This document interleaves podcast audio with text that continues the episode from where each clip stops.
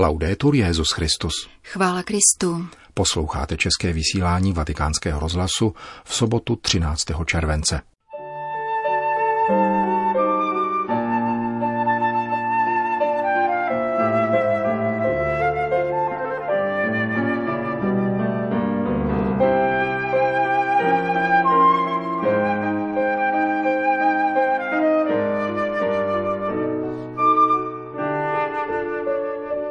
Dnes přinášíme druhé pokračování přednášky nazvané Co jsou jezuité, kterou v roce 1985 pronesl tehdejší argentinský jezuita a nynější Petrův nástupce u příležitosti čtyřstého výročí příchodu jezuitských misionářů do Argentiny.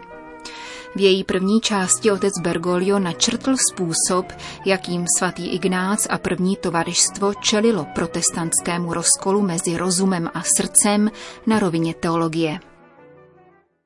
Kalvínské schizma postihuje také společnost, do které vnáší rozdělení. Jako nositele spásy preferuje Kalvín měšťanskou třídu.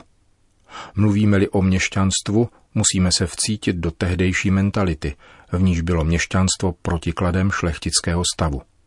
Šlechtictví však neoznačovalo pouze ty, kdo měli šlechtický titul. Zahrnovalo také šlechetnost práce.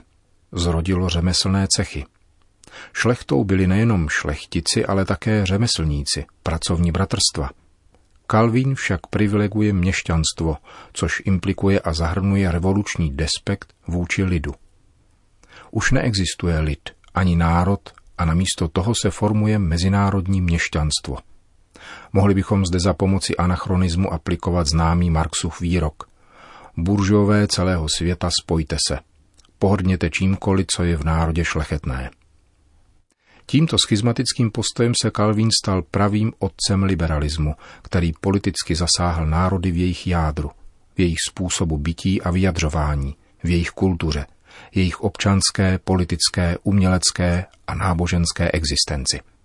Na sociální rovině je to asi patrnější v koncepci Tomase Hobbese, podle něhož se lidské soužití má řídit klamem a mocí, zatímco stát, moderní leviatan, existuje proto, aby držel v šachu egoizmy a zamezoval anarchii, čímž legitimizuje logiku nadvlády, poněvadž přirozený zákon neuznává.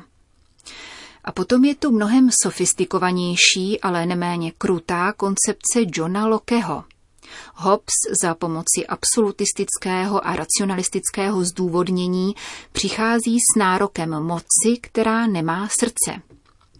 Locke to vše nazývá společenskou smlouvou a snaží se redefinovat společnost vyloučením lidu. Locke zaujal následující pozici.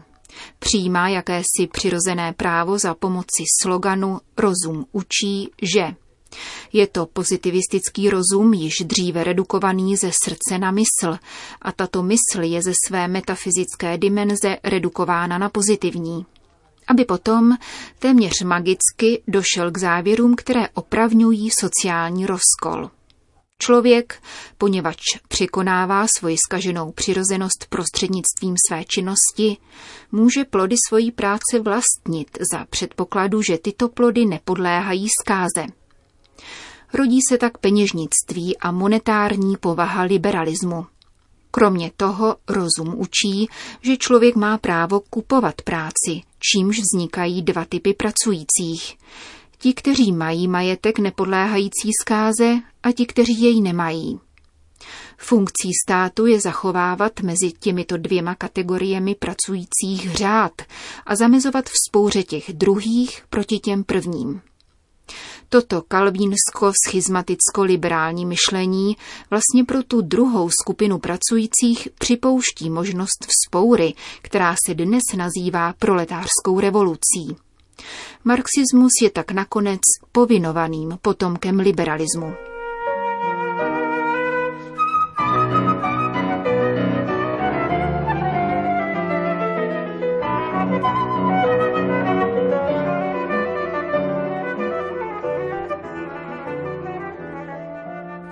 Zmíněnému rozkolu ve společnosti čelí tovaristvo hned od začátku misijní činností mezi národy. Otevírají se hranice východu, Indie a Japonska a svatý František Ksaverský umírá před branami Číny. Mluví se o národu Guaraní, národu Moků a dalších.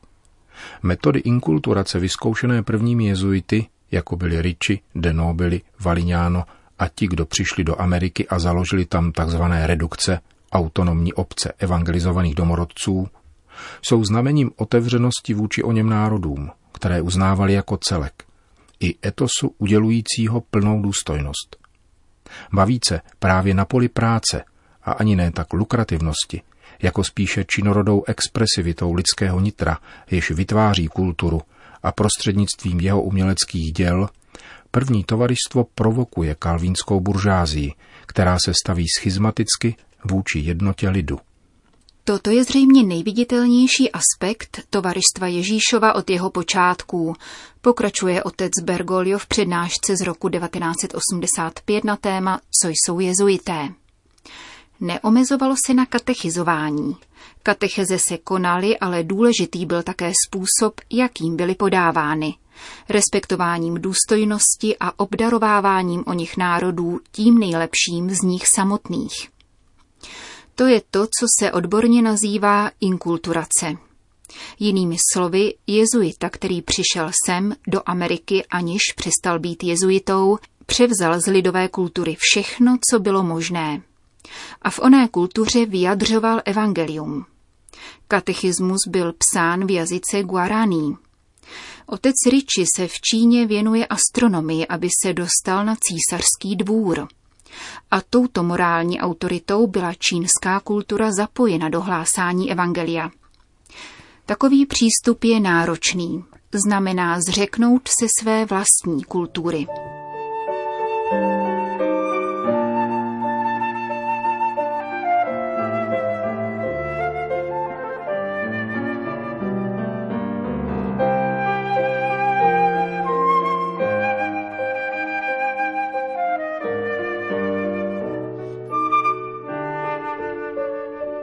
Je užitečné si zde připomenout prvního jezuitu, který přišel do této země, Argentiny, do Santiago de Lestero, otec Alonso de Barzana.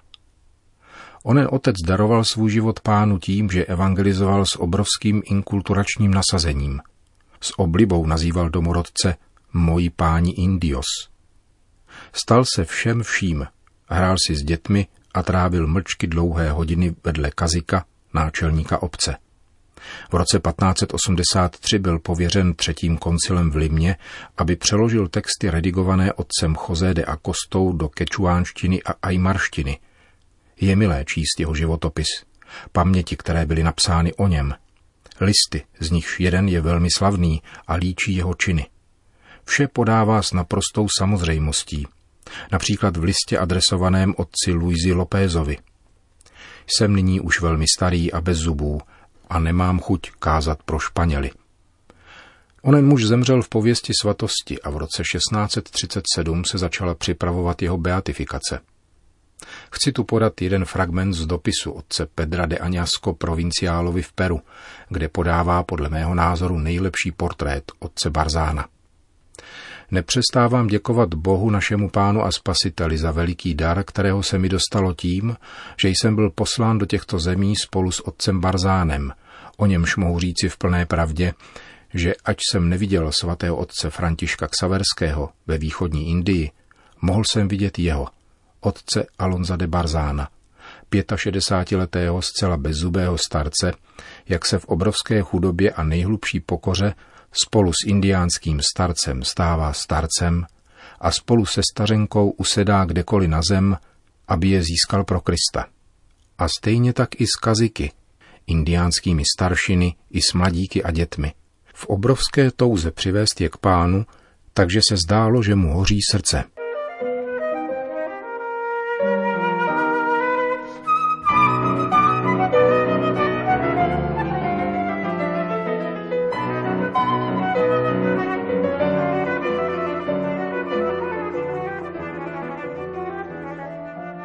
Tento muž musel činit násilí sám sobě, aby přijal všeobecnost svého povolání v postoji inkulturace a stal se tak naprosto disponibilním. Byl věrným celé nauce a zároveň věrně ctil lid, ke kterému byl poslán i jeho kulturu. Byl to boží muž.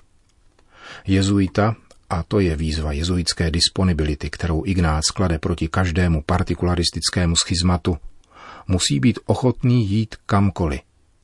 A kromě toho je povinen zamilovat si práci, která mu byla svěřena, takže když jej přeloží, pociťuje bolest. Pokud ji necítí, není jezuita. Musí se inkulturovat a zařadit. Toto je ignaciánská intuice, která čelí kalvínskému sociálnímu schizmatu.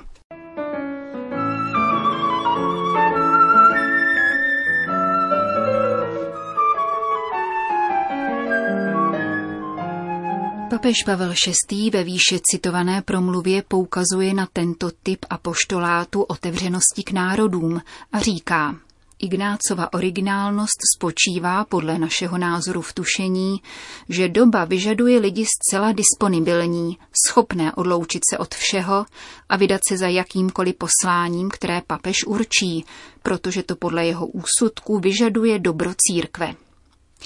Disponibilita, vepsaná do jádra ignaciánského charizmatu, se tedy přímo pojí k této otevřenosti, úctě a sympatii vůči národům. Disponibilita vystavuje jezuitu na mnoze bolestnému napětí. Má být ochoten jít kamkoliv a současně se zařadit a inkulturovat v tom místě, kde se ocitne, jako by bylo jedinečné. Toto napětí bolí.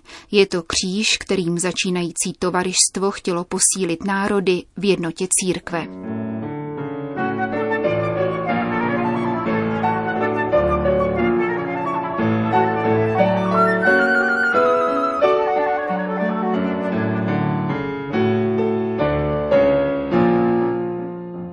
Za třetí pak kalvínské schizma zraňuje církev. Církevní společenství je redukováno na sociální třídu a proto Kalvín, tak říkajíc, utíná hlavu postavě otce, která připomíná existenci ostatních dětí.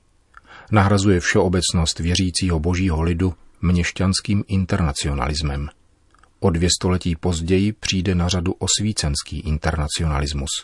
Dělá si starosti rovněž s tím, jak odstranit postavy, které utvářejí cechy – propůjčují těmto pracovním a řemeslným bratrstvům jednotu a dávají konzistenci a sílu ostatním sociálním sektorům, totiž svaté patrony.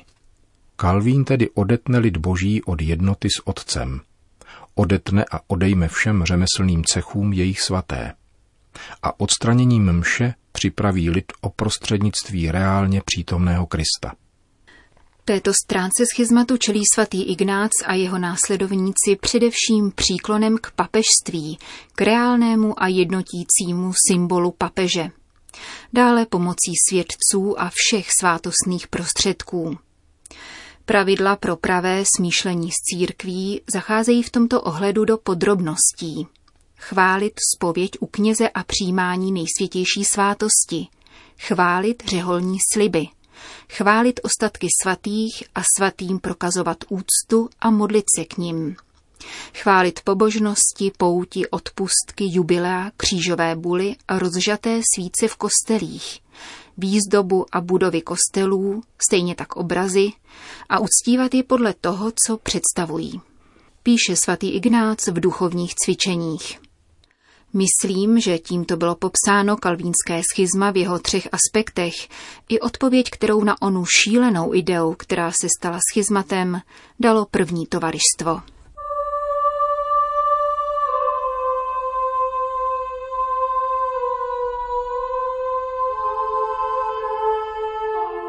Slyšeli jste druhou část přednášky otce Bergolia z roku 1985 na téma Co jsou jezuité.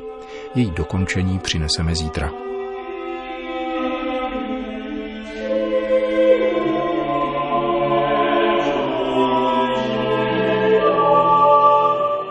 Končíme české vysílání vatikánského rozhlasu. Chvála Kristu. Laudetur Jezus Christus.